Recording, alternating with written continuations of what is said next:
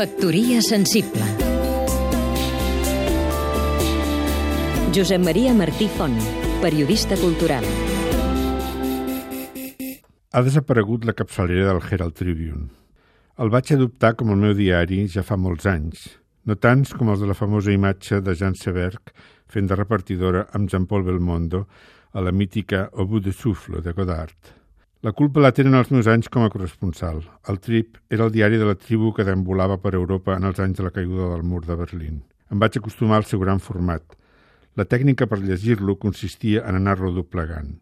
Però el que realment em vaig acostumar va ser a gaudir del millor periodisme, del gran periodisme, dels llargs reportatges que il·luminaven els grans temes del moment.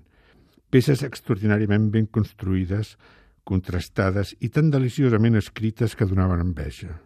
En realitat, la majoria eren reportatges del New York Times o del Washington Post que durant molt temps van ser els propietaris únics d'aquest autèntic diari europeu, perquè era precisament el fet de que estava confeccionat a Europa i tenia la seva seu a París el que li donava el seu caràcter.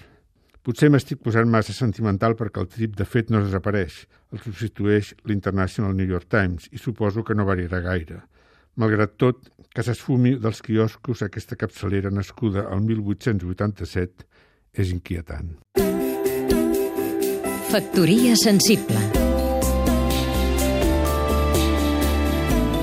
Seguim-nos també a catradio.cat